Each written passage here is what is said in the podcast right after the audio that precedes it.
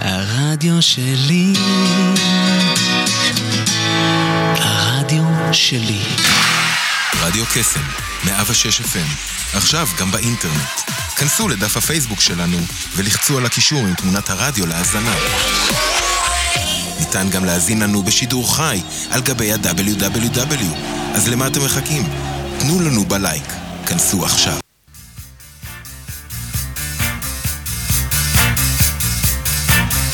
יוצאים תוצאות עם משה, שרון זה אייזן. עקום פה. בכל יום ראשון, זה. תשע עד עשר בבוקר, רק ברדיו קסם, 106 FM. the love that I have for you. It's very simple to see it's בוקר טוב, איזה כיף אה, להתחיל שבוע חדש, להתחיל תוכנית אה, חדשה. אנחנו כאן אה, יוצרים תוצאות עם שרון אייזן כמדי יום ראשון בין תשע לעשר בבוקר. אתם מוזמנים להצטרף אלינו כמובן. אה, והפעם, אה, אתם יודעים, מעטות הפעמים שאני מזמינה אורחים בפעם השנייה. וכשאני מזמינה אורחים בפעם השנייה, יש סיבה מאוד מאוד טובה. הפעם האורח שלנו הוא דוקטור גיל יוסף שחר. הוא רופא בהכשרתו, ותחום ההתמחות שלו הוא תחום התזונה. ולא רק תזונה, אלא תזונה בשיטת הרמב"ם, אם תרצו, כל מה שקשור באמת לתזונה טבעית, אה, שמתקשרת ובעצם מדברת על בריאות האדם השלם. איך... אה, איך הדבר הזה למעשה משפיע עלינו, אה, אם זה ברמה של מניעת מחלות, אם זה ברמה של טיפול בהם, אם זה ברמה של בריאות בסך הכל הכללי, אה, בהיבט של בסוף בסוף, בואו, מה אנחנו רוצים? אנחנו רוצים להיות בר- בריאים, אנחנו רוצים להיות מאושרים, אנחנו רוצים, אתם יודעים, הצרכים הבסיסיים, ומדברים על משאבים בחיים, אז בריאות, בעיניי, באמת, זה המשאב החשוב והיקר ביותר לו לאדם, כי אם אין לנו בריאות, אין לנו, אין לנו כלום. אה, אז לכן הזמנתי פעם שנייה, כי קצרה היריעה מלהכיל. החלק הראשון באמת דיבר אה, על אספקט אחד, אבל העולם הזה הוא כל כך רחב, עד כדי מצב שתבינו. סתם דוגמה, כדי לסבר את האוזן, רפואה תזונתית, אה, דוקטור גיל יוסף שחר מלמד כמדי שנה באוניברסיטת תל אביב.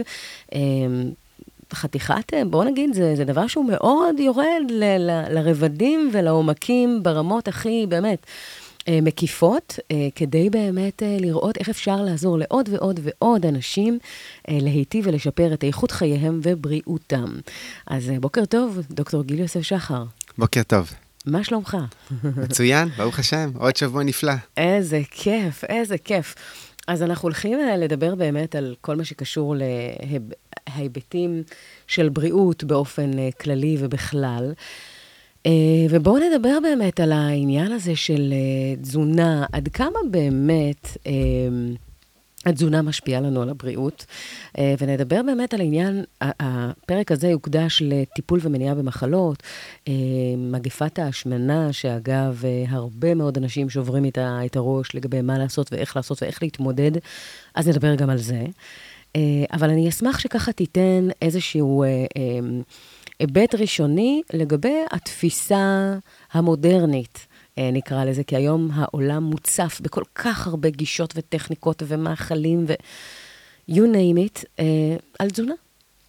טוב, אז באמת זאת שאלה גדולה, ואני אתחיל ואומר שבאמת לתזונה יש השפעה דרמטית על בריאותנו, הן ביכולת למנוע מחלות, הן ביכולת לרפא מחלות. אה, לצערי אני אומר את זה, אה, הרופאים היום בימינו, שלא באשמתם, אה, לא כל כך יודעים על עולם הרפואה התזונתית, מה שנקרא nutritional medicine, כי הם לא לומדים על זה, כמעט בכלל.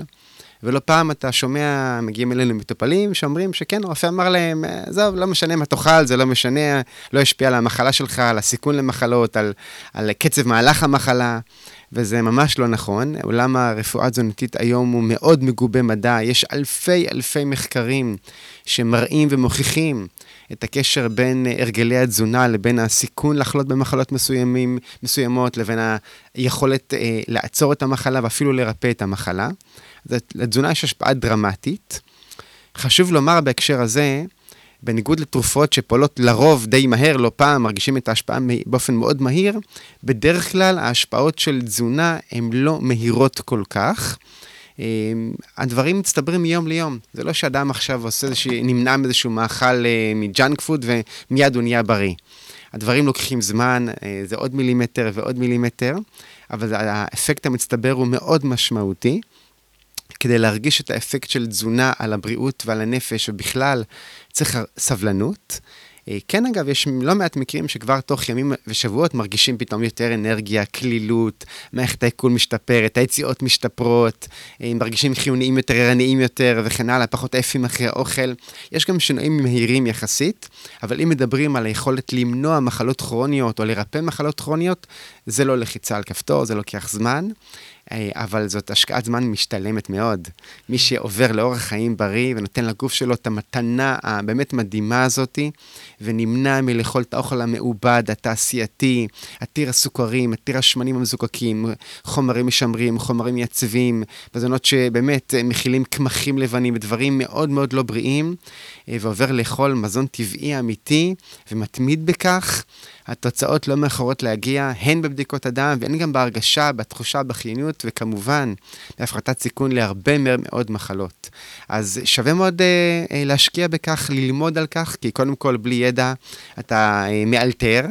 ובעצם אה, פועל על פי אינטואיציה. זה גם נורא מבלבל, כי הרי כל כך הרבה, אה, אתה יודע, יש את אלה שאומרים הקטוגני, ויש כאלה שאומרים, אה, לא, צריך את ה-80-80-10, אבל לא, אבל יש את הגישה הזאת או הגישה האחרת, וההצפת ידע היא כל כך עצומה, וגם חלק ממה שאתה מדבר עליו זה באמת רגע שנייה, לראות כל דבר ולייצר שנייה את ההבחנות, וגם אם יש נניח... אה, מחקרים כאלה או אחרים, אז רגע להבין מי עומד מאחורי המחקר, מה, מה זה באמת אומר, אה, ולקחת מכל דבר באמת את, ה, את הטוב, נקרא לזה. נגעת בנקודה מאוד uh, מבלבלת הרבה מאוד אנשים, באמת, mm. אנשים אומרים כבר, אוקיי, אני רוצה לחיות בריא, אבל רגע, יש את מה שאמרת, פלאו, קטוגני, 80-10-10, צמחונות, טבעונות, שיטן קינגסטון, שיטת אנביגמור, מה, איך יודעים מה לבחור.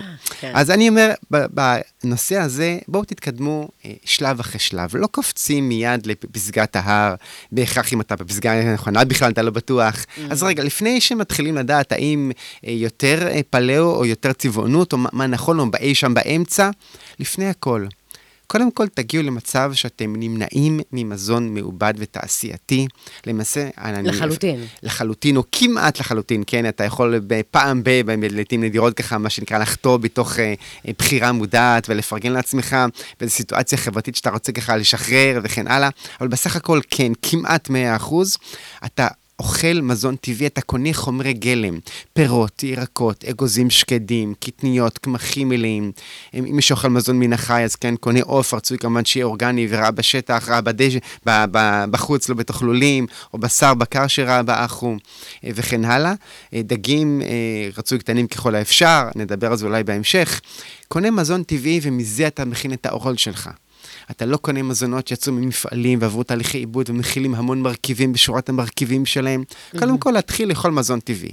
אני חושבת שאחד הכללים, אגב, שהולכים לסופר, זה קטע, כי כל עוד יש לכם רשימה מאחורה שאתם אה, ארוכה כאורך הגלות ואתם לא יודעים לזהות, פשוט לא לגעת. זה, זה מעין, משהו מאוד פשוט. ברגע שאתם מסתכלים רגע מאחורה, תהפכו שנייה, תסתכלו על הרכיבים. יודעים לזהות, מעולה. הרכיבים גם הם איכותיים וטובים, עוד יותר טוב. אני חושבת שזה כלל אצבע כזה שמאוד קל... בהחלט, אחד מהכללים, אני אגיד גם שבאמת 80% אה, מהמוצרים אה, בסופרים, עדיף להשאיר אותם על המדפים, לא, שלא ייכנסו לעגלה שלנו. לגמרי. לגשו לעמדת הקטניות, ירקות, פירות, עלים ירוקים, נבטים למיניהם, הקמחים המלאים. כמובן, להימנע משתייה אה, קלה, כל השתייה המתוקה. ואגב, עוד טעות מאוד נפוצה, גם הרבה אנשים שעוברים לתזונה בריאה, אז משתמשים המון המון בדבש, בסילן, בסירופ מייפל, באגבה, הם אומרים, מה, זה לא סוכר לבן, אפילו לא סוכר חום. נכון. זה טבעי, זה סילן, כן, זה מתמרים. זה, זה המון סוכר, כל הנוזלים האלה, אה, הסילן, המייפל, האגבה, גם הדבש אגב, אגב, זה לא שאסור לאכול דבש, כבר נגיע לזה, אבל הם נוזלים עתירי סוכר בלי סיבים. נכון שמקורם טבעי, אבל קודם כל לזכור שבטבע הרי אין סילן. נכון. בטבע יש תמרים. נכון. אתה רוצה מתיקות, את רוצה מתיקות. תאכל תמר. תאכל תמר עם Mm. אגוז מלך בפנים, זה הממתק של הטבע. לא צריך יותר מזה, באמת מענג, מפנק מאוד. והסילן זה בעצם, אה, לקחו את התמר, הפיקו את המיץ, בישלו אותו, גם פסטרו אותו לאחר מכן. אז המון חומרי, אה, חומרים טובים נוגדי חמצון נהרסו בתהליך הזה. זה ודאי בלי הסיבים. זה מיץ מרוכז מאוד בסוכר, גם הוא יוצר פיק סוכר מאוד גבוה, והפיקים האלה של הסוכר הם ההרסניים ביותר לגוף. לגמרי. הן מבחינת הרצון לאכול עוד ועוד במשך כל היום, ולאחר מכן עקב כך עלייה במשקל, נדבר על זה עוד מעט אולי. ובכלל, הפיקים של סוכר הם האלה שגורמים לשקיעת הכולסטרול, מחלות לב וכלי דם, שבץ מוחי, מגדילים סיכון לאין סוף מחלות, כבד שומני, פגיעה בכל מערכות הגוף שלנו, אותם פיקים של סוכר, סכרת כמובן, לחץ דם ועוד.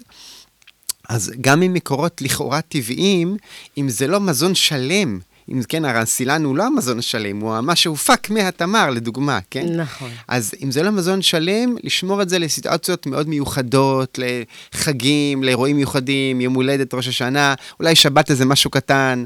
אה, להמעיט גם בדברים הלכאורה טבעיים, כי הם לא טבעיים ב-100%. דבש, אגב, הוא כן טבעי, מותר לאכול דבש, כמו שלמה המלך אומר, החכם באדם, מותר לאכול, אבל הוא כותב להמעיט. כן, כן, כפית לא פה, כפית שם, בוודאי. לא לאכול עכשיו ולהכין קינוחים עם כוס של דבש שלמה ולאכול את זה תוך יומיים שלושה. אלא במינונים קטנים. כן. אז אם אני רגע רוצה לעשות סדר לקהל שלנו, אז באמת, קודם כל, לעבור לאכול מזון טבעי, בלי חטיפים, בלי ממתקים, בלי מאפים. המאפים היום, אנשים מוצרים בכל הקונדיטוריות, בתי ל- קפה קפה בדרך. ומאפה. קפה ומאפה, אבא, רוג הלחים, הברוקסים, הקורסונים, הדברים הללו, הם אה, באמת, הם דברים של, זה לא רק מחים לבנים וסוכר לבן, זה בצק קלים, זה, זה, זה לא פעם מרגרינה, בלי שאנחנו יודעים או כן יודעים. באמת מזון שמזיק לגוף. מרגרינה זה סוג של אה, פלסטיק בעצם, זה לא... מרגרינה דומה, כן, לא מה זה, אבל יש דמיון, בוא נאמר, זה, בוא נאמר, זה מכיל שמנים אה, מאוד לא טבעיים לגוף האדם, שמנים שעברו הידרוגינציה בדרך כלל, Mm. תהליך כימי לא טבעי שפוגע בשמן, הופך אותו למבנה שהגוף לא יודע לנצל אותו. כן. אה, גורם השפעה מטאבולית מאוד שלילית, החל מהעלאת רמות כולסטרול רע, הורדת רמות כולסטרול טוב. אז קודם כל להימנע מכל הדברים הכלואים, גם שקונה אגוזים שקדים, אם זה כלוי זה כבר לא טבעי, עבר בת- בתוך תנור של 200 מעלות, השומנים בתוך האגוזים והשקדים התחמצנו, תקנו מזונות טבעיים, שזה יהיה כמעט כל התזונה שלכם. כשקונים לחם, בלי עשרה מרכיבים בשורת המרכיבים. קמחים מלאים, רצוי מחמצת כמובן, בלי סוכר. אה, דברים טבעיים, זה שלב, כלל ראשון. כלל השני, עוד לפני רגע הדילמה, לאכול פלאו, קטוגני, יותר בשר ושומני ופחות פחמימות, או הפוך, טבעונות, ירקות, פירות, פחמימות, סטארץ' דיאט, בעיקר פחמימות מלאות ופחות פירות, או דיאטת פירות, המון המון גישות. רוב פוד המבושל, אתה לא יודע מה לעשות. כן. אז לפני שמנסים למצוא מה מתאים לי, ואגב, לא בהכרח מה שמתאים לך מתאים לשני, לפני זה, קודם כל חשוב לאמץ את הכלים הבסיסיים של התזונה, שנכונים ללא משנה מה התפריט שבחרת. אני מתכוון לכמות האכילה. אתה כבר אוכל אכילה, אתה אוכל ארוחה, אל תתפוצץ, להמעיט. אל תמלא את הקיבה, תעצור בזמן, לא משנה אם אכלת בשר או אכלת עכשיו פסטה, תעצור בזמן. כלל בסיסי. הלעיסות, לא משנה מה אכלת. רגע, רגע, רגע, עצור, אנחנו אנחנו רצים, אנחנו רצים. האמת שכן, יש הרבה... אה, יש מלא, אני... אז אני רגע אדייק, אני אעצור שנייה, כי שאלתי אותך שאלה שהיא מאוד רחבה והיא מאוד גדולה. אז שנייה, רגע נפרק אותה, בסדר? Uh, אפרופו, לגבי הלהמעיט שאתה מדבר עליו, שהוא מאוד מאוד חשוב, אני חושבת שנתת כאן המחשה ולקחת את זה לכיוון שמאוד קל uh, להבין אותו. זה, ונתת באמת את הדוגמה של המכונת כביסה. שאם אנחנו בעצם דוחסים בתוך הנכ- מכונת כביסה המון המון המון בגדים, לא כל המים והסבון יגיעו לכל אה, אה, חלקי נכון, הסבון התכולה לא של... בהכרח י- ייחשף לכל. בגד. ואז הכביסה לא תצא נקייה. אותו כנ"ל בקיבה, אם אנחנו מפוצצים אותה וממלאים אותה עד גדותיה, אז העיכול לא יהיה מיטבי בלשון המעטה, אה, ולמעשה אנחנו יורים לעצמנו ברגליים, אז אנחנו חייבים, שנייה רגע, לפני שאנחנו מרגישים את השובע, לעצור. ממש כך, כן. הרמב"ם כותב שברגע ש... רוב, א', רוב המחלות מתחילות מחולי, מעין, מעיכול לא נכון, מתזונה לא נכונה. הוא כותב את זה בצורה מפורשת, ובאמת, אה, הוא אומר שלא יסבע אדם, אל תהיה שבע.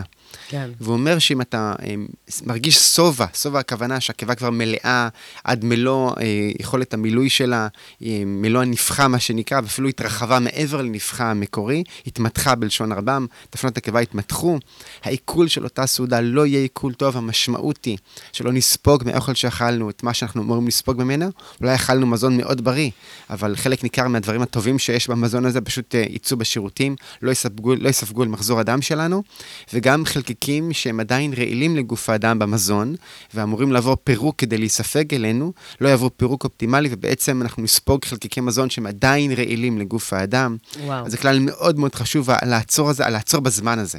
מאוד מאוד חשוב. אה, דיברת קודם על משקל וכן הלאה, ובאמת זאת אולי רגע, המגפה. רגע.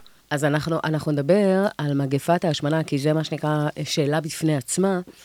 אה, היות והיום אנחנו רואים בעולם הערבי, ארה"ב במיוחד, יש שם אוביסיטי מטורף. נכון. אה, אז אנחנו באמת ננסה רגע לפתור את החידה, אחת ולתמיד, אבל אנחנו נעשה את זה אחרי השיר הבא, כי בחרת גם שיר שנקרא אנה בכוח. אה, למה דווקא השיר הזה? אני מאוד מתחבר למילים שלו, זה מילים של לקוחות מתוך התפילה. אה, זה אגב מילים אה, מאוד מיוחדות, זה מילים שזה שיר שגם טמונים בסודות של קבלה. Mm. והוא שיר שבעצם גם תפילה, הוא בקשה, הוא uh, ככה בקשה לעולם טוב יותר, לצדק בעולם, לצדק שיהיה נראה וגלוי. כן. Uh, ברכה לשפע. הללויה. שפע, שמעתם? אז uh, בואו נקשיב, אנא בכוח. Uh, יאללה, אל תלכו לשום מקום, אנחנו מדברים אחר כך על מגפת ההשמנה, סיבות, איך להימנע, איך לטפל, מה לעשות. אז תכף נשוב.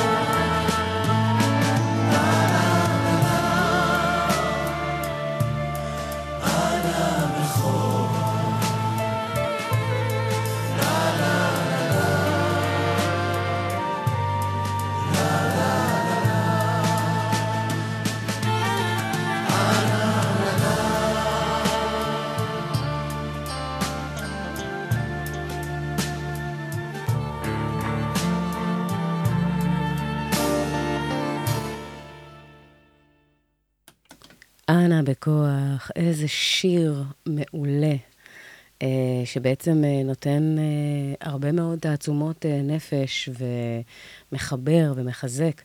אז תשמע, דיברנו על שאלה שהיא סופר סופר חשובה, מהותית, ואני חושבת שכל בן אדם שני מתעסק איתה. לגבי מה לעזאזל עושים עם מגפת ההשמנה, אנחנו יודעים שיש היום המון שפע של מאכלים מעובדים ולא מעובדים, אה, וכל ההיבט הזה. יש פה לא מעט דברים שחשוב אה, לשים עליהם דגש, אה, ואיך הדבר הזה בא לידי ביטוי. אנחנו, אני אשמח רגע לשאול אותך, מה באמת עושים עם מגפת ההשמנה, איך נכון לטפל בהליך שהיא מופיעה, ובוא נאמר, על מה אתה ממליץ, הדגשים המיוחדים. אז באמת, מגפת ההשמנה היא אכן מגפה, וצריך להתייחס אליה כאל מגפה, זו אומרת התייחסות רב-מערכתית, וצריך להבין שצריך לטפל בו בעצם במספר כיוונים במקביל בו זמנית. אני, אם אני אתייחס לזה כאל אה, איום, ובאמת עודף המשקל הוא איום שפוגע קשה בבריאות, לא רק בביטחון עצמי, בנראות, אלא גם באמת במטאבוליזם שלנו, ומגדיל סיכון להמון המון מחלות, החל גם, כולל גם מחלות ממאירות. צריך להתייחס בה בצורה מערכתית ומכמה כיוונים שונים. גם את הפן הכמובן מנטלי-רגשי, כי אנחנו יודעים שאצל רובנו יש אלמנט משמעותי של אכילה רגשית. וגם לזה צריך להתייחס, אבל מעבר לכך גם צריך להתייחס בפועל, מה אני אוכל, איך אני אוכל, מתי אני אוכל וכן הלאה, ואיך שומרים על המשקל. אז אני חושב שאולי אחד הכללים הבסיסיים והחשובים ביותר לשמירה על משקל זה סדר. בכלל, את פה עוסקת ביוצרים תוצאות, איך מגיעים לתוצאות בחיים בכל תחום. להגיע לתוצאות בחיים, גם בפן העסקי, בפן המשפחתי, בכל דבר שהוא, צריך שיהיה סדר. אדם שהוא לא מסודר, הסיכוי שלו להצליח הרבה יותר קטן. Mm. גם בתזונה זה כך, מסודרים. אתה לא יכול לזרום ולאלתר, לאכול, הגעתי לאיזשהו מקום, יש אוכל, אני אוכל. אתה צריך לדעת האם אתה הולך לאכול פה, מה אתה הולך לאכול פה, מתי הארוחה הבאה שלך. צריך לתכנן את סדר היום שלנו. ומבחינת, כשמדברים על סדר של אכילה, הרמב"ם כבר אה, כתב ואמר שאדם צריך לאכול שתיים או שלוש ארוחות ביום. או שתי ארוחות או שלוש ארוחות. לא פחות משתיים כמעט בכל המקרים, ולא יותר משלוש. גם כן, יש יוצאי דופן, אנשים מאוד מבוגרים, קשישים חלשים, עם מערכת עיכול מאוד חלשה, צריכים לאכול אולי יותר ארוחות קטנות וריבוי ארוחות. אבל כמעט כולנו, אנחנו צריכים לאכול ולהתרגל לשתיים או שלוש ארוחות ביום, כשאני מתכוון לכך שכל ארוחה יש לה התחלה ויש לה סוף, ובין ארוחה לארוחה אין כלום. אין נשנושים, אין ארוחות ביניים, שותים מים בלבד. אז זה כלל, עוד לא משנה אם בחרת לאכול פליו, יותר עם בשר כן. ודגים, יותר תמצוכנות, טבעונות, לא משנה מה בחרת. תצמד לבוקר, צהריים, ערב, באמצע אין אפילו לא גרגר של מזון. עד כדי כך. כלל אחד הבסיסיים ביותר. אגב, מי שלא מתורגל בלאכול בצורה מסודרת, להתחיל משלוש ארוחות ביום. אפשר לעבור גם לשתי ארוחות ביום, יש לזה הרבה מאוד יתרונות. אה, בטח לאדם שמתמודד עם עודף משקל, לאכול שתי ארוחות ביום. אה, זה נותן גם מרווח גדול בין הארוחות יותר, זה תורם לאיזון רמת סוכר. אחת הטכניקות היא מה שנקרא 8-16, ולרוב מי שבוחר בשיטה הזאת, שהיא טכניקה מעולה אגב, בהחלט. אגב, הייתי מתחיל אגב מ-10-14 בהתחלה, לא הייתי מתחיל בבת אחת, תנו לגוף שלכם להסתגל בהדרגה. לזכור, הרמב"ם גם כותב את זה, הגוף שלנו לא אוהב מהפכות. 10-14, כן, זה, אתה מצמצם את שעות האכילה שלך ל-10 שעות אכילה ביום ו-14 שעות, מארוחת הערב עד ארוחת הבוקר, אתה בעצם לא אוכל שום דבר. לחיות ככה לפחות שבועיים-שלושה, ולעבור, אה, אפשר לעבור ל-11, אה, כן, טיפה ככה, לא, לא, אה, לא 10, סליחה, לא 10, אלא 9, 15, מה שנקרא, כן. עד שמגיעים לש... ככה לעוד שבוע-שבועיים, עד שמגיעים ל-8-16, שזה בעצם לתחם את שעות האכילה ל-8 שעות ביממה, ומארוחת הערב עד ארוחת הבוקר מחכים 16 שעות, שבהם אתה רק שותה מים. מי שרוצה קפה, חליטות. יכול גם קפה או חליטות. קפה, אני שוב אומר את זה בהסתייגות, זה עולם, באמת עולם ומלואו כל נושא הקפה, ואיזה קפה, וכמובן בלי סוכר, כמובן. כן, אם אתם כבר שותים, אגב, אז לא נס, אלא או אספרסו או שחור. כן. הקשבת בשיעורים, רואים? אכן כן, כן, בהחלט, אה. רק אספרסו השחור, נס קפה הוא קפה נחות הרבה יותר מהשחור האספרסו, כמובן בלי שום המתקה, בלי שום סוכר. נחזור רגע לענייננו, על הנושא החשוב הזה באמת. אה, המרווח הגדול בין ארוחת הערב לבוקר הוא חשוב מאוד. אגב, לגבי ארוחת בוקר, תמיד שואלים, זה מתי לאכול, באיזה שעה? לי יש כלל בסיסי לגבי הגוף של עצמי. אני מחכה לתיאבון בריא. אל תאכלו בבוקר, התחיל יום חדש, אל תאכלו עד שהגיע תיאבון בריא לארוחה מכובדת. לא כי אני מדמיין שאני רוצה רעב, לא כי אני צריך לאכול כי לא יודע מה יהיה אחר כך, אני מחכה לתיאבון בריא ואז אני אוכל. אז הסדר בחיים, הסדר בתזונה, קביעת הארוחות המסודרות, בלי נשלושים באמצע, הוא קריטי לחיים שלנו. מעבר לכך, אה, הזכרת בהתחלה את השאלה, רגע, צמחונות, טבעונות, פלאו-קטוגני. אז אני יכול להגיד לך שראיתי באמת מאות אנשים שהטבעונות והצמחונות עזרו להם בצורה בלתי רגילה, הן לאיזון המשקל, הן לריפוי מחלות. ומהצד השני ראיתי גם מאות אנשים שדיווחו שהמעבר לפלאו-קטוגני עזרו להם לאיזון המשקל, ריפוי מחלות. אז מה נכון? התשובה היא לא בהכרח יש תשובה אחת נכונה. ולגיטימי גם להתנסות ולחוות ולראות מה זה עושה לי. כן, אני רוצה לומר איזשהי סוג של אה, הייתי אומר, אזהרה קטנה. כן. אה, בכל אחת מהגישות האלה, אם אתה לא עושה אותה בצורה נכונה, אתה עלול גם להזיק לעצמך. חשוב מאוד גם להיות קשובים לגוף. אני אתן כמה דוגמאות לנושא הזה, כי שאנשים פה לא יעשו נזק לעצמם. אה, טבעונות היא גישה מאוד בריאה, כי אנחנו יודעים שהמזון מן החי, החיסרון הבולט שלו, יש לו אגב המון יתרונות, אבל החיסרון הבולט שלו, שהוא עתיר רעלים. רוב הרעלים היום, העולם שלנו הרי עולם לא נקי מרעלים, האוויר, המים, הכל מזוהם, והרעלים מצטברים בעיקר ברקמת השומן כן. של מזון מן החי. אז יש מעלה גדולה בלהיות צמחוני או אפילו טבעוני, אבל מי שלא עושה את זה בצורה מדויקת, מי שלא חי כטבעוני או צמחוני מדויק, בצורה נכונה, עלול, עלול לגרום לעצמו יותר נזק כן. מאשר תועלת. Mm-hmm.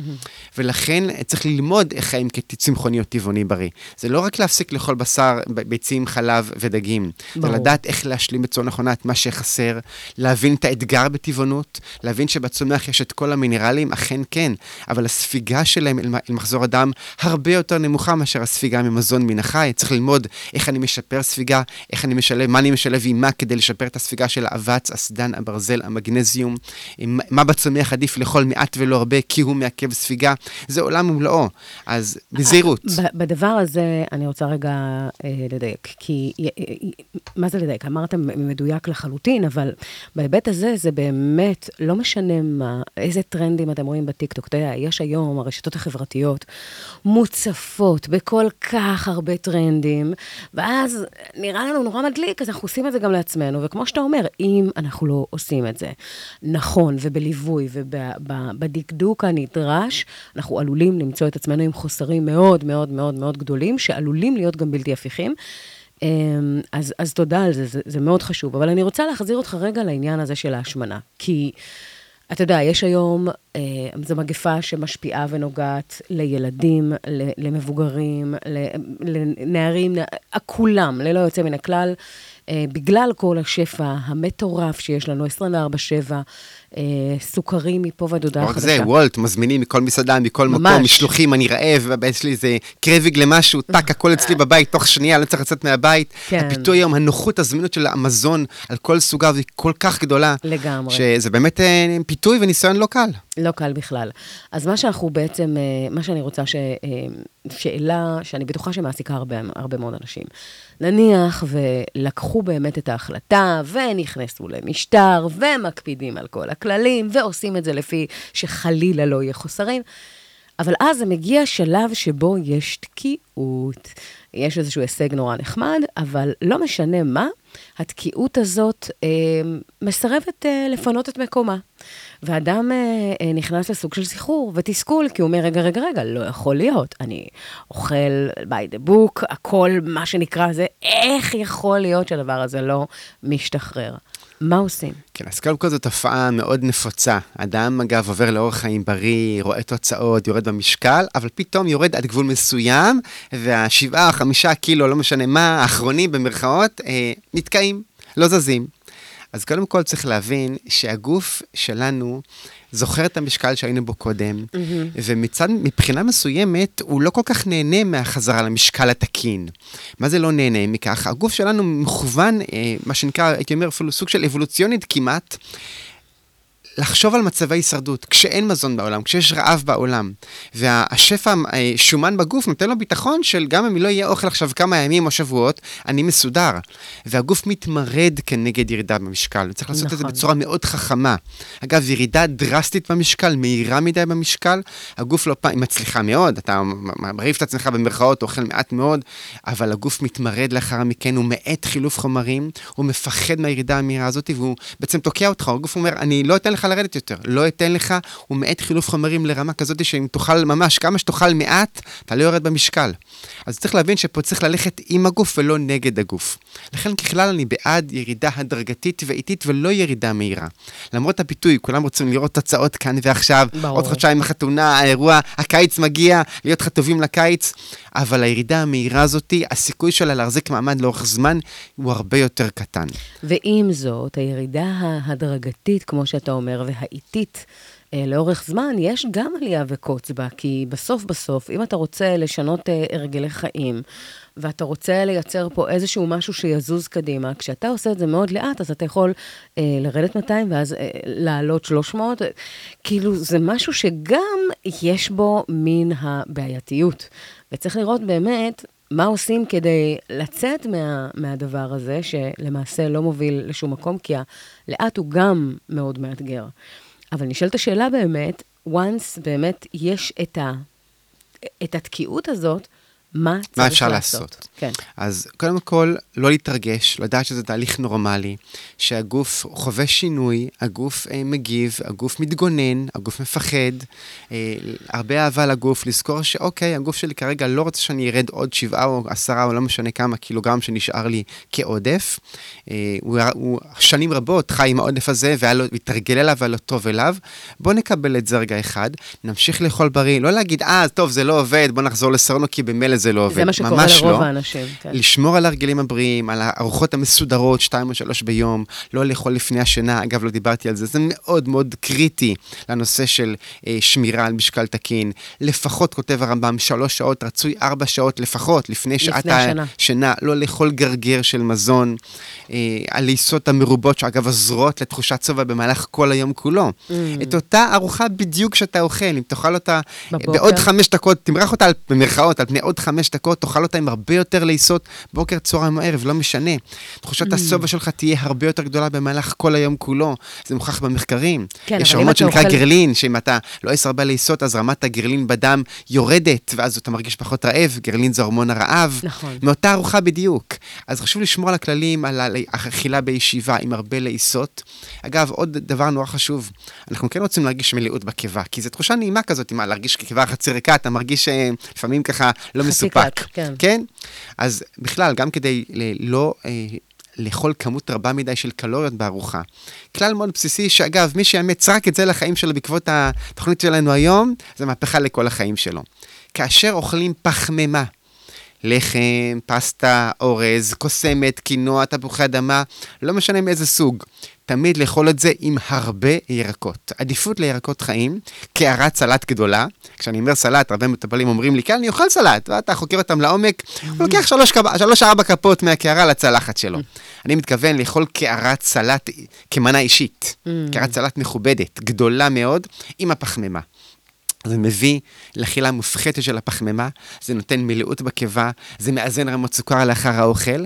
זה אחד הכללים הכי בסיסיים. אתה רוצה לאכול לחם? יאללה, תאכל. אין בעיה. עם קערת סלט ענקית. כן, כן. פסטה, אין בעיה, עם קערת סלט ענקית. אין לאכול פירה, פסטה, לחם, בלי הר של סלט לידו. Mm. מי שמקבל על עצמו החלטה, רק להקפיד על זה, מה שנקרא, בצורה, אני עושה את זה, לא משנה מה, וואו, זה שינוי מאוד מאוד משמעותי, עוזר מאוד לירידה במשקל, בצורה בלתי רגילה. אז אני חוזר רגע לנקודה ששאלת, לא להיבהל, סבלנות, הגוף לאט לאט המשקל בסוף יחזור. לפעמים אגב צריך לתת איזה פוש של פעילות גופנית עוצמתית יותר בעצימות רבה יותר, mm. כדי לעשות אה, סו- סוג של זעזוע לחילוף החומרים, קצת לנער את הגוף במרכאות אני קורא לזה. אז גם אדם שעושה פעילות גופנית מסוימת והגוף כבר התרגל גם אליה, אז ואתה רואה לשנות שהמשקל שם. תקוע, תעשה שם שינוי, כן. יותר מסת שריר אולי, פתאום אימון אירובי יותר עוצמתי, ספרינטים פתאום, אימון אינטרוולים.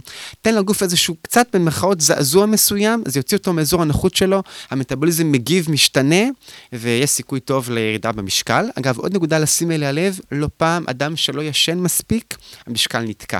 כי חוסר שינה גורם לעלייה ברמות הגרלין, הורמון הרעב, אתה רעב יותר, ואז אתה, בין אם אתה מודע לזה או לא מודע לזה, אתה אוכל קצת יותר כל פעם, והמשקל נתקע. אז גם פה, גם שינה היא כלי מרכזי לאיזון המשקל שלנו. התנועה, כמו שאמרתי, הפעילות הגופנית היא בסיסית. אגב, רק לאכול, טעות מאוד נפוצה, רק לאכול פחות במקום להקפיד על להוציא יותר קלוריות. גם אז טעות. יצליח מאוד לירידה ירידה במשקל, אבל לשמירה על משקל תקין יהיה מאוד קשה. בלי פעילות גופנית סדירה וקבועה ורצוי בעצימות גבוהה, לשמור על המשקל יהיה מאוד קשה, כי כמה אפשר לאכול פחות ופחות? אתה נשבר מתישהו. אתה חייב לשים דגש על לא רק להכניס פחות קלוריות, אלא בעיקר על להוציא יותר קלוריות, כן. על ידי פעילות גופנית. אז בהקשר הזה, לא משנה אה, כמה פעמים או באיזה שלב אתם נמצאים בחיים, אתם מקפידים על משהו מסוים, למי זה לא קרה? בואו, זה, זה אחד הדברים באמת הנפוצים ביותר, שהגוף בעצם, אה, מה שנקרא, שיתף פעולה, הכל היה סבבה, ואז הוא מרים דגל לבן ואומר סטופ, שביתה איטלקית. והדבר הזה יכול להיות מאוד מתסכל. רוב האנשים, כמו שנאמר, באמת חוזרים לסורם, כי אומרים, טוב, אה, אם אני כבר סובל, אז, אז למה זה? אבל העניין הזה באמת, כמו שאמרת, אמרת במשפט, וזה אגב אחד הדברים המאוד מעניינים, כי... אחת ההחלטות שאני קיבלתי, אגב, זה, וואלה, אם הבריאות היא באמת הנכס החשוב ביותר, אז אני הולכת ללמוד ולהעמיק בזה, ורגע להבין מכל ה... אה, מידע, נקרא לזה, שנייה, שני, לעשות סדר, ולהבין רגע יותר לעומק. ובאמת, אה, ישבתי שנה שלמה, למדתי, ו... וזה אחד הדברים באמת שאני מאוד מברכת עליהם, כי בסוף בסוף הידע, אין לו תחליף. אה, צריך גם, מה שנקרא, ליישם את הידע, שמן הסתם זה, זה קורה מעצמו, אבל ההבנה שיש פה איזשהו עניין שברגע שאנחנו אה, עושים משהו מסוים, אז אתה אומר, מצד אחד פעילות גופנית, תעשו משהו אחר שאתם לא רגילים לעשות אותו, אבל מצד שני יש גם איזשהו היבט בתזונה, שאולי אם הגוף כבר יתרגל וסבבה לו, אז גם כאן אולי נכון לעשות איזשהו זעזוע שנייה להזיז. כן, ממש איזשהו אה, סוג של אה, ני- ני- ניעור, אני קורא לזה, של הגוף. הניעור יכול להיות כאמור או שינוי במשטר הפעילות הגופנית שלי, טיפה יותר בעצימות גבוהה, משך זמן יותר גדול, טיפה קצת לשנות את הגוף, או גם אגב בתזונה פתאום. אולי אני רגע עושה איזה שבוע בלי פחמימות, בלי לחם, בלי קמחים, אולי אני מאריך את הזמן בין ארוחת הערב לארוחת הבוקר, אפילו לכמה ימים, יום כן, יום לא, טיפה משהו קצת לצ... להוציא את הגוף מהרגילות שלו, בהחלט. אגב, עוד נקודה שלא שאלת עליה, והיא אולי הנפוצה ביותר שקורית לאנשים ששומעים את מה שכרגע אנחנו אומרים, ואומרים, טוב, איך אני, אני רגיל לאכול הכל, הכל מהכל, ומסעדות ובחוץ וכן הלאה, ו, וכולל מאפים, ואיך אני אעבור לאורח חיים בר- בריא, טבעי, זה נראה כן. נורא מאיים. ואני רוצה לתת פה טיפ מאוד מאוד חשוב. תקבלו החלטה לעבור לאורח חיים טבעי ובריא ל-40 יום. לא לכל החיים, ל-40 יום. יש בזה המון המון יתרונות. קודם כל, פתאום רואים שהשד לא כל כך נורא בהכרח. כי אגב, לקבל החלטה, בוא, אני עכשיו מפסיק לאכול אה, מאפים לכל החיים, נורא קשה בנפש. מה, לוותר כן. על כזה, על גלידות, על ארטיקים, על כל התענוגים שיש בעולם, לוותר פתאום על הכל לכל החיים? עזוב אותי, לא רוצה, תן ליהנות. טיולים בחו"ל, מסעדות שף. נכון, נכון, אז קודם כל לא צריך. לוותר על הכל, אבל לקבל החלטה רגע, בוא תתנסה רגע באמת, תן צ'אנס אבל אמיתי, ל-40 יום. מה שקורה ב-40 יום, קודם כל רואים כבר תוצאות לא פעם. גם אם זה רק קילו, שניים, שלושה, רואים תוצאות. א', זה נותן מאוד סיפוק בוסט. ומוטיבציה. ב', אתה מרגיש גם אחרת לגמרי, במצב רוח, באנרגיה, בחיוניות שלך, מערכת העיכול מגיבה אחרת. והדבר החשוב מכל, כשמתמידים 40 יום במשהו, חיישני הטעם על הלשון משתנים, פתאום הרבה מאוד חשקים למזונות לא בריאים פשוט נעלמים. נכון. כבר לא צריך להיאבק ברצון לאכול את החטיף, או את המאפה, או את ה... לא משנה, עוגה כלשהי, עוגיות כלשהם.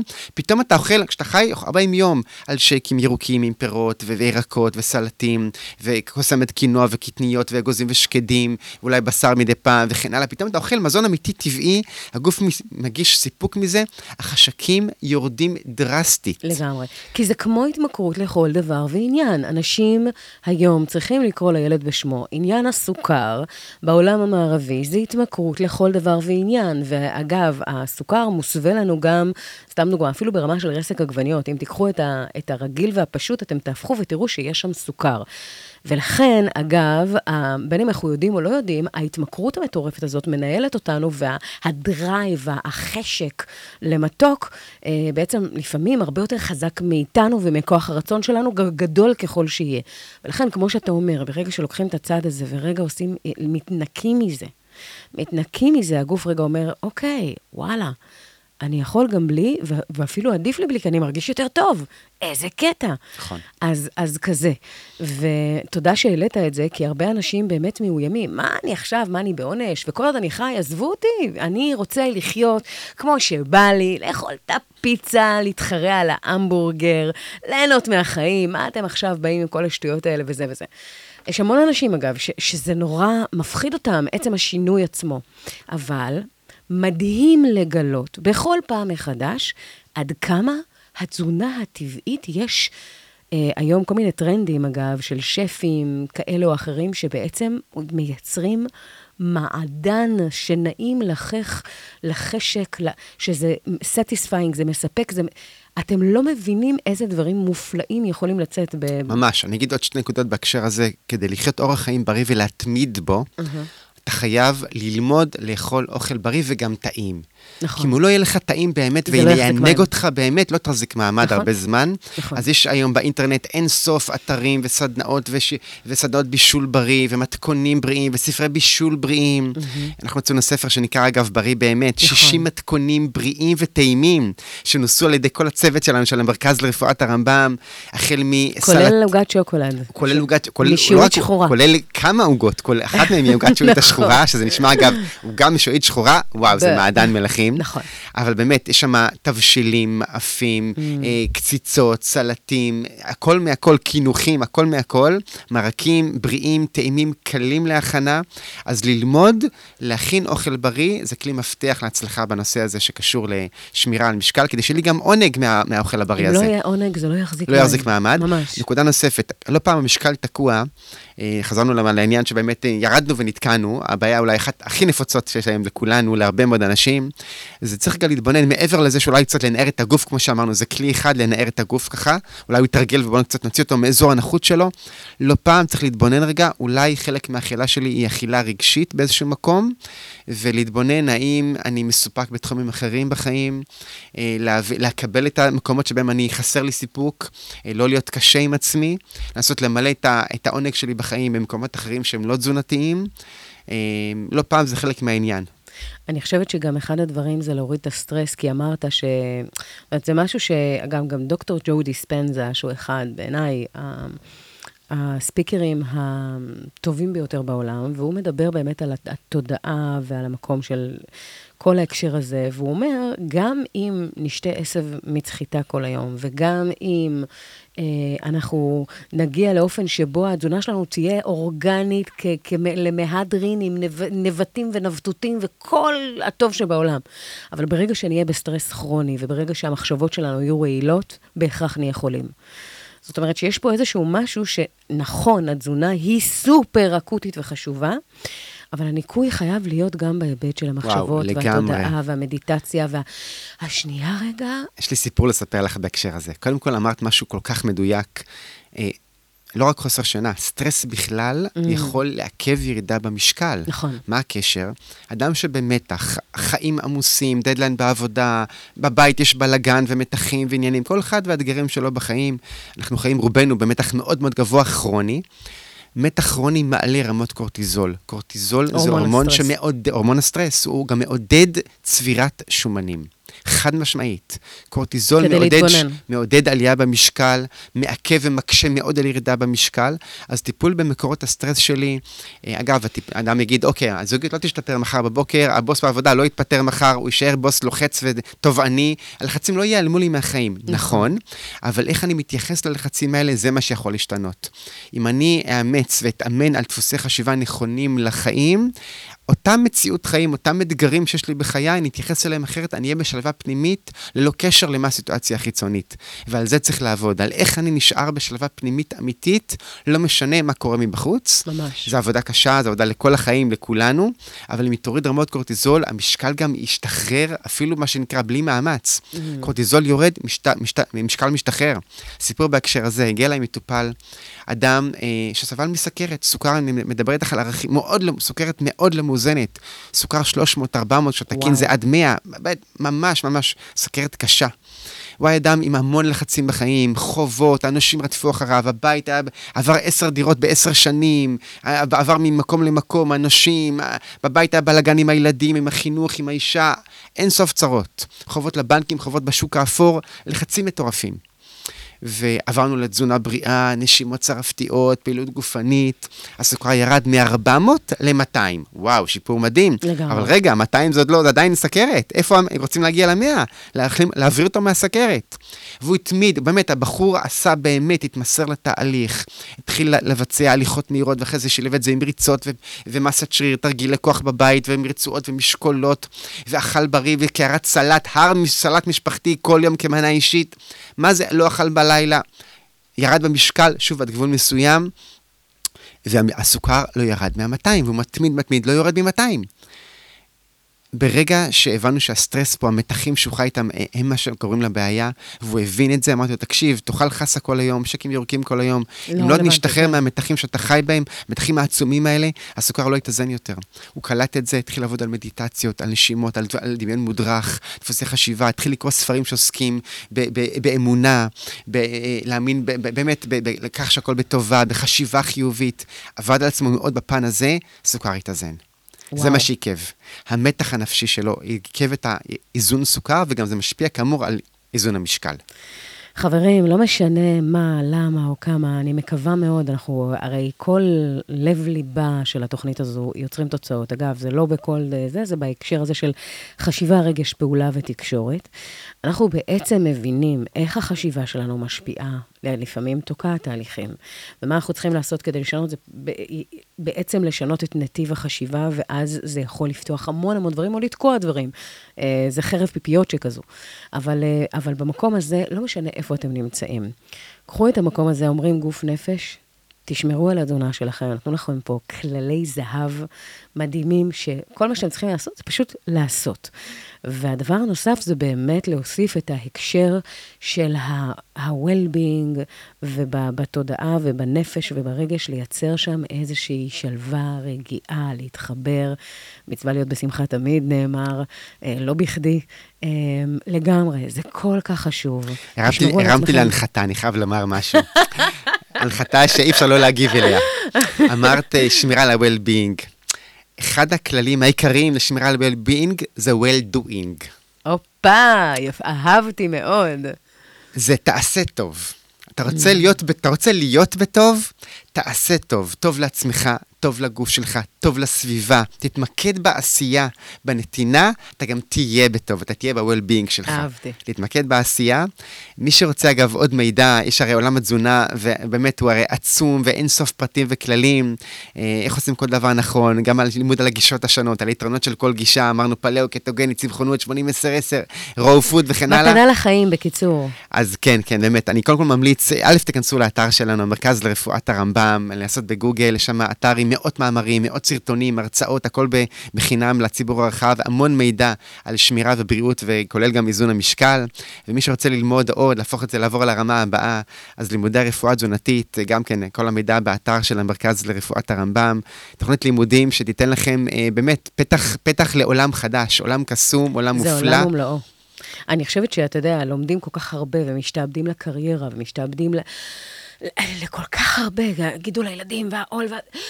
ואנחנו לא לוקחים שנייה, דקה, אוסטנטה, פולפובוליסטוס מיוס, ל- ל- לדאוג לדבר הזה שנקרא אנחנו עצמנו, וגם לסביבה הקרובה שלנו, וללמוד את, ה- את הליבה הזאת. להמשיך ללמוד כל החיים, ממש, לא להפסיק. ממש, ממש. אנחנו סטודנטים נצחיים בסוף, כן. אתה יודע. אז uh, תודה רבה. קודם כל, uh, אני רוצה להודות לך, דוקטור גיל יוסף שחר, שפינית מה, מהזמן והגעת אלינו לאולפן. Uh, אני יודעת שלי היה תענוג, ואני בטוחה שלצופים, מאזינים, uh, כיף uh, גדול מאוד. אז חברים, מומלץ בחום, אנחנו נקשיב ללבחור נכון, כי בסוף הכל בחיים זה בחירות. אז אנחנו נתראה בשבוע הבא. עד כאן, יוצרים תוצאות, שרון אייזן. איזה כיף להיות איתכם.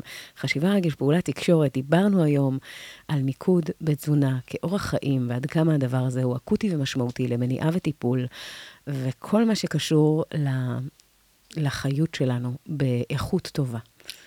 אז אה, ביי ביי.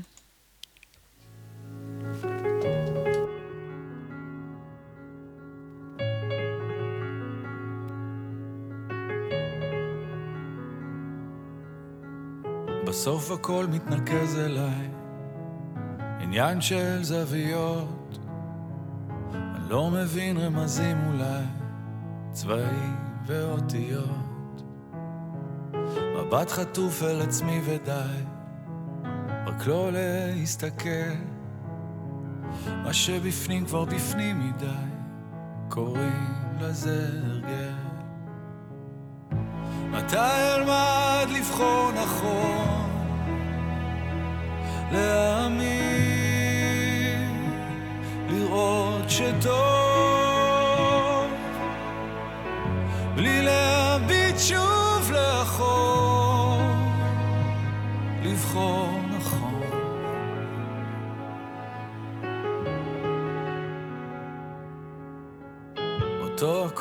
מדבר אליי, פוגש בי בלילות, הולך מבלי להבין לאן, האם אדע לחזור? מבט חטוף מסביב ודי, יותר כבר לא אפול. יש ילד שמסתכל עליי, קוראים לזה לגדול. מתי אלמד לבחור נכון? להאמין,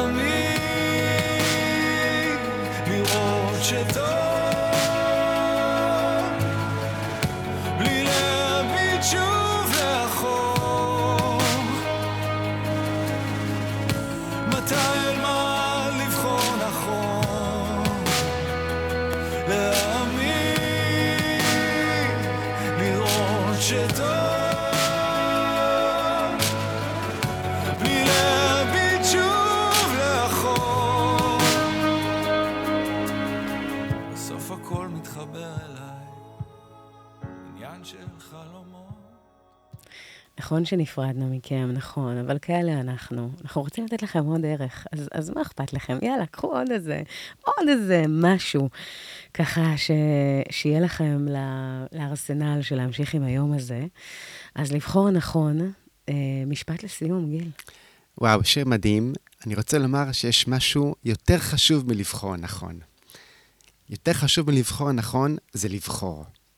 הרבה אנשים פשוט לא בוחרים, נמנעים. יושבים על בוחרים. באורח חיים של הימנעות. לא יודעים מה לעשות, חוששים לעשות, לעשות שינוי זה תמיד מפחיד. אז הם בוחרים באורח חיים של הימנעות, אגב, בכל תחום, יכול להיות בתחום העסקי, בתחום הזוגי, פוחדים לעשות שינוי. לפני ה- לבחור נכון, תבחרו. גם אם טעיתם, לא קרה שום דבר, מתקנים. משנים, מתקנים. אה, כי איך, אדם יכול לשאול את עצמו, איך אני אדע מה, מה נכון? איך אני אדע מה לבחור? תבחר, קודם כל תבחר.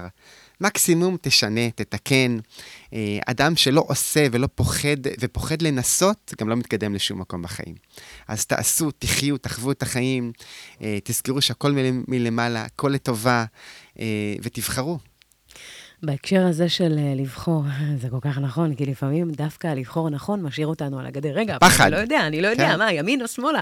מה לעשות? אז, אז כן, אז העניין הזה שבאמת רגע לקפוץ למים ולעשות. אז חברים יקרים, לא משנה איפה אתם ואיפה אנחנו תופסים אתכם ומה אתם עושים כרגע.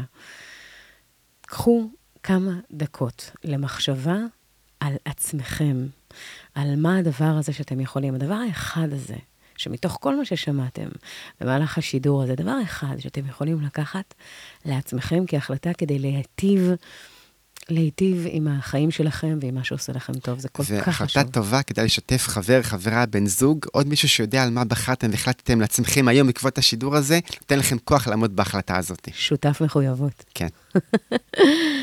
לגמרי. אז uh, טוב, אנחנו uh, נתראה, אתם יודעים בדיוק איפה. עוד uh, שבוע בדיוק יוצרים תוצאות, תשע עד עשר. Uh, אנחנו נתראה ממש ממש בקרוב. יאללה, ביי.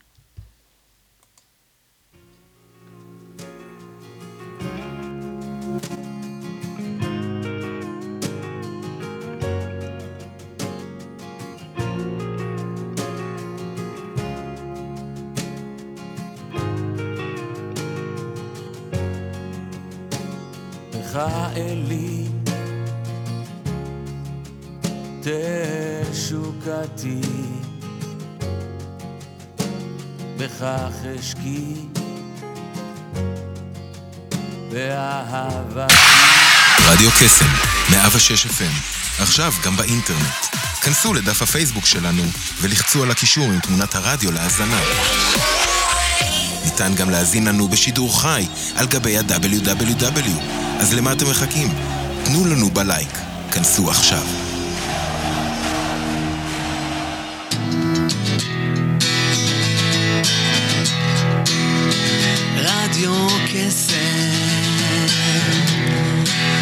106 FM הרדיו שלי.